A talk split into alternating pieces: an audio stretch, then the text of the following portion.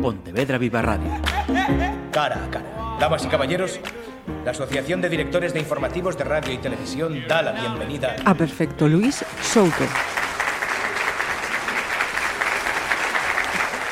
Saludos, hemos invitado a este cara a cara al Pontevedrés eh, Perfecto Luis eh, Souto Torres. Eh, con él vamos a charlar de un libro en primer lugar, pero también de otras cuestiones interesantes a mi parecer, propiciadas por algunas aficiones de nuestro invitado.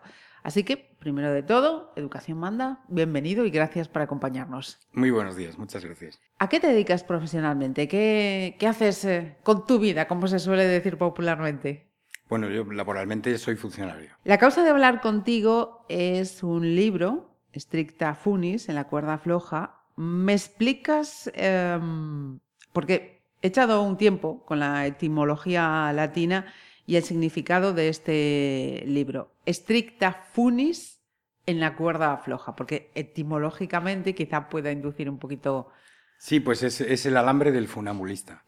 Stricta es que está tenso y, funis, pues el que está en el aire pendiente de, un hilo, Es, es la cuerda del funambulista, el alambre. No es el resultado de una improvisación el hecho de ponerte a escribir este libro, sino que según he leído, este proyecto llevaba ya años rondándote la cabeza.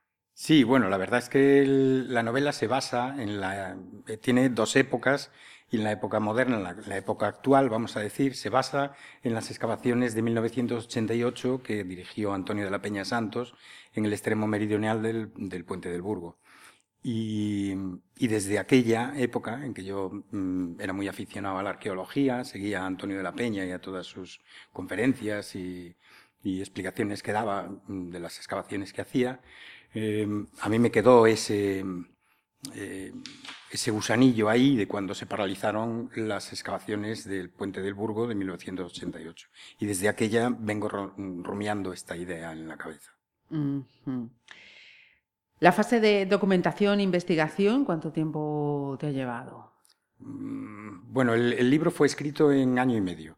Fue aprovechando el confinamiento y entonces le dediqué mucho tiempo, pero puedo decir que de cada, de cada hora mm, de, de escribir, cuatro eran de documentación. El libro tiene dos protagonistas paralelos, ¿no? ¿Nos puedes eh, avanzar un poquito, unas pinceladas? Sí, un protagonista en la época actual que podríamos decir que sería un alter ego de Antonio de la Peña Santos, sin pretender que sea él, pero como se basa en su trabajo, en la excavación, entonces el protagonista, yo le he puesto un nombre parecido, ¿no? Se llama Arsenio de la Piedra Santas. Eh, y, el segundo protagonista es el protagonista de la época romana, de los restos que se encuentran aquí en el puente del Burgo, encuentran un esqueleto, y entonces es la historia del, propietario de esos huesos, ¿no? que, bueno, por avatares de la vida en la época romana, se ve obligado a un destierro que lo lleva a los confines del imperio y acaba falleciendo aquí en Pontevedra. Una de tus aficiones es la arqueología submarina, pero en este libro el protagonismo, eh, con permiso, es la arqueología en superficie, ¿no? Si es que se, pudiera decir así, valga la, expresión. ¿Ha sido más eso, por vínculo a, esa afición, por vínculo a Antonio y lo que para ti supuso ese, ese momento del 88?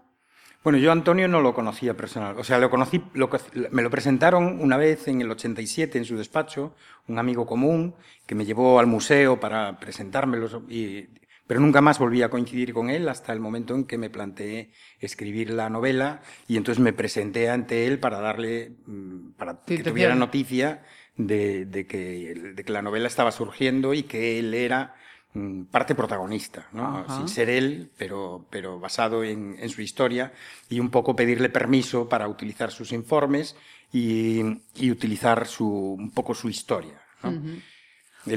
perdón, ¿él? No, él se puso a mi disposición completamente, no me puso ninguna cortapisa. La verdad es que es un, tío excepcional, una persona muy amable y, y muy divertida.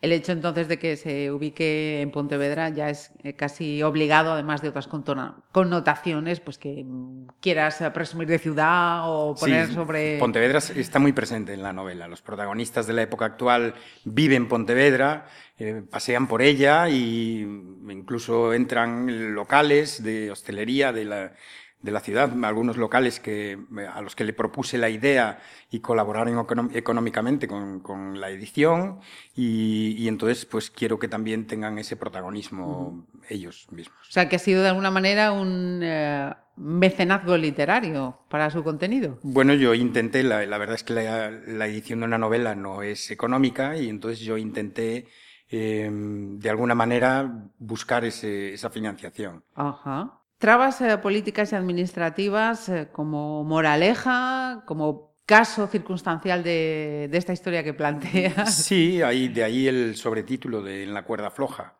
Realmente tanto los personajes de la época romana como los personajes de la época actual están se encuentran en la cuerda floja por decisiones de terceros, muchas veces decisiones políticas o de mandatarios que, ponen al traste su vida o la colocan eh, al, filo de la navaja el libro es eh, autoeditado, encontraste rápidamente una editorial que te dijera, venga, sí, vamos para adelante. Bueno, eh, rápido no es. El mundo editorial es un poco particular y es, eh, es un poco despiadado.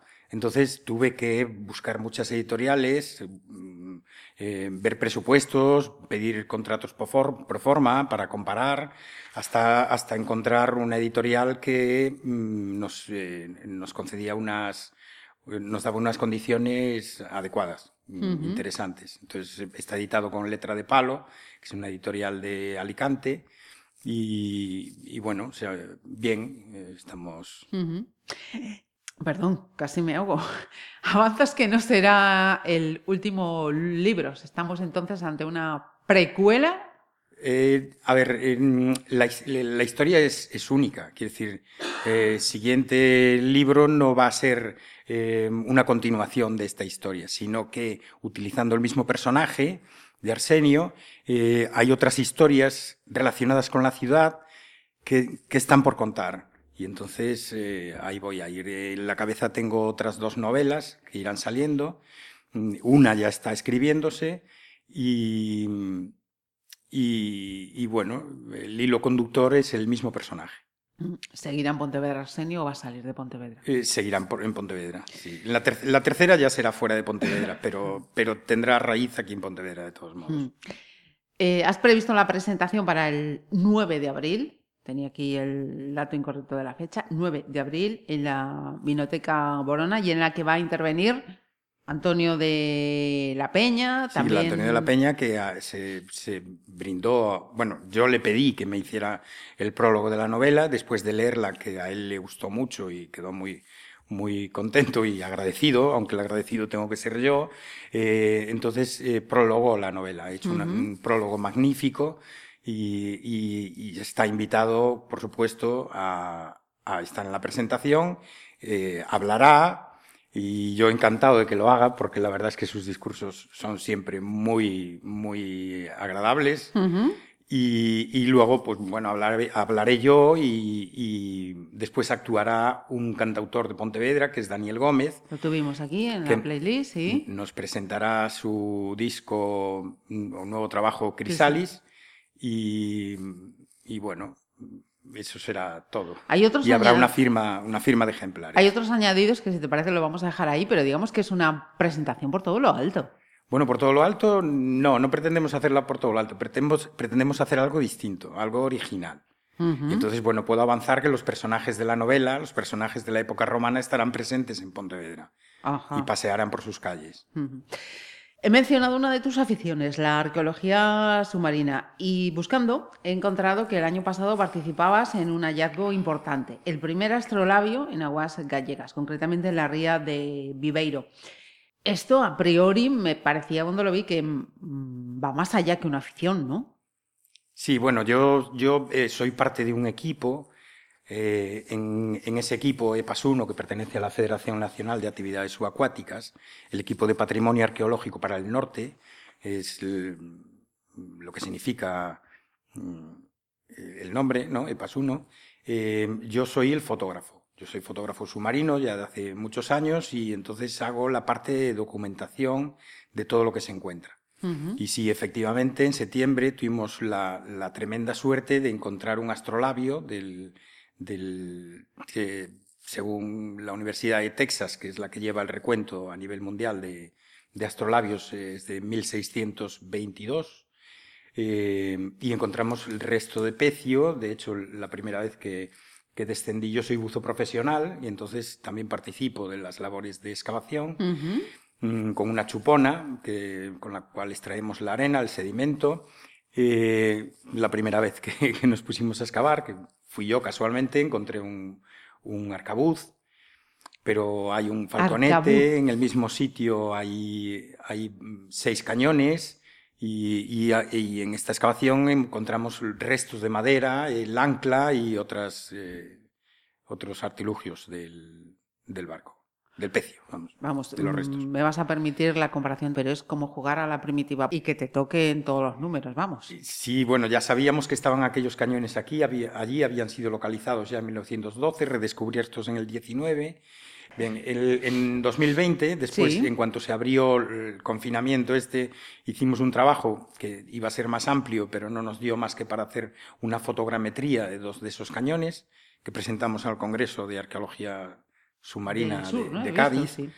Y em, eh, fue para lo que nos dio. Y entonces ya, ya, sabíamos que esos cañones estaban ahí, por lo tanto planteamos una campaña de excavación sistemática, mm, de libro, y, tuvimos la suerte de en los primeros días encontrar estos restos muy cerca de los cañones, situados dentro del, del marco de excavación que, eh, propusimos. Mira, ya que eh, estábamos hablando de arqueología submarina, este mes ha trascendido precisamente el hallazgo del, Endurance, el barco en el que viajaba en 1915 el explorador Shackleton y que se hundía en aguas del, Antártico. Me, llamó la atención el hecho mm, de que eh, ese lugar en el que está hundido el, Endurance eh, esté protegido como lugar histórico y monumento cuando veía la, noticia me vino a la cabeza, por oposición, mm, todo lo que hemos visto del Titanic, ¿no? Que se ha sacado, pues, eh, parte del pecio, objetos, en fin, cantidad de cosas. Sin embargo, en este otro caso, no se puede tocar absolutamente nada, se tiene que respetar absolutamente todo. ¿Qué determina una y otra cosa? Bueno, en principio yo supongo que son decisiones administrativas o políticas y, quiero pensar que, son tendentes a evitar el expolio. Eh, imagino que la profundidad a la que se encuentra ese pecio em, em, em, da facilidad para que cualquier buzo llegue y, pueda extraer cualquier, cualquier cosa. El Titanic, por ejemplo, pues está a una profundidad tal que solo hay que, solo pueden llevar unos medios que, de los que en el mundo se disponen muy poco, pero a la profundidad en la que creo que han encontrado el Endurance, cualquier buzo puede llegar y, extraer. Entonces, al darle una protección, evitan y protegen, y obligan además a las marinas de los países a su protección, según las, normativas firmadas por la UNESCO y tal. Entonces, supongo que será tendente a su, a, su protección y conservación. Mm, podemos decir entonces, y no es la primera vez que hago esta pregunta, que en el caso de Galicia podemos tener un patrimonio sumergido impresionante. Por supuesto, y es que más pecios que aquí no puede haber en ningún sitio, porque esta costa es en la que más barcos se han hundido a lo largo de la historia. Otra cosa es que queden restos que sean accesibles y que sean localizados. Mm, ese, es el, kit de la, el, kit de la, cuestión. Pues una afición más que interesante y por lo que veo además gratificante, porque nos estabas comentando. Desde luego. Nos quedamos eh, de momento con esa cuestión. Si queréis, 9 eh, de abril, esa presentación de este libro, Stricta Funis, en la cuerda floja, que además me quedaba pendiente. No va a ser eh, la única presentación porque tienes previstas dentro y fuera de Galicia más. Sí, en Galicia están previstas ya y confirmadas presentación en Lugo el día 14 de abril y el 16 de abril en Viveiro. Y luego está en proyecto el presentarlo en Lugo, o digo en León, donde estamos negociando ahí buscando un lugar, pero eh, posiblemente se hará, y, también en Valencia, donde ya tengo un contacto donde presentarla. Pues perfecto, Luis Souto Torres, autor de Estricta Funis en la cuerda floja. Muchísimas gracias por acompañarnos. Muchísimas gracias a ti. Pontevedra Viva Radio. ¿Me permiten que les haga un comentario como espectadores del programa Cara a Cara? Según un reciente sondeo de mercado, ustedes disponen de estudios e inteligencias superiores a la media. Sus intereses abarcan desde la actualidad mundial y la ciencia hasta el deporte y los espectáculos.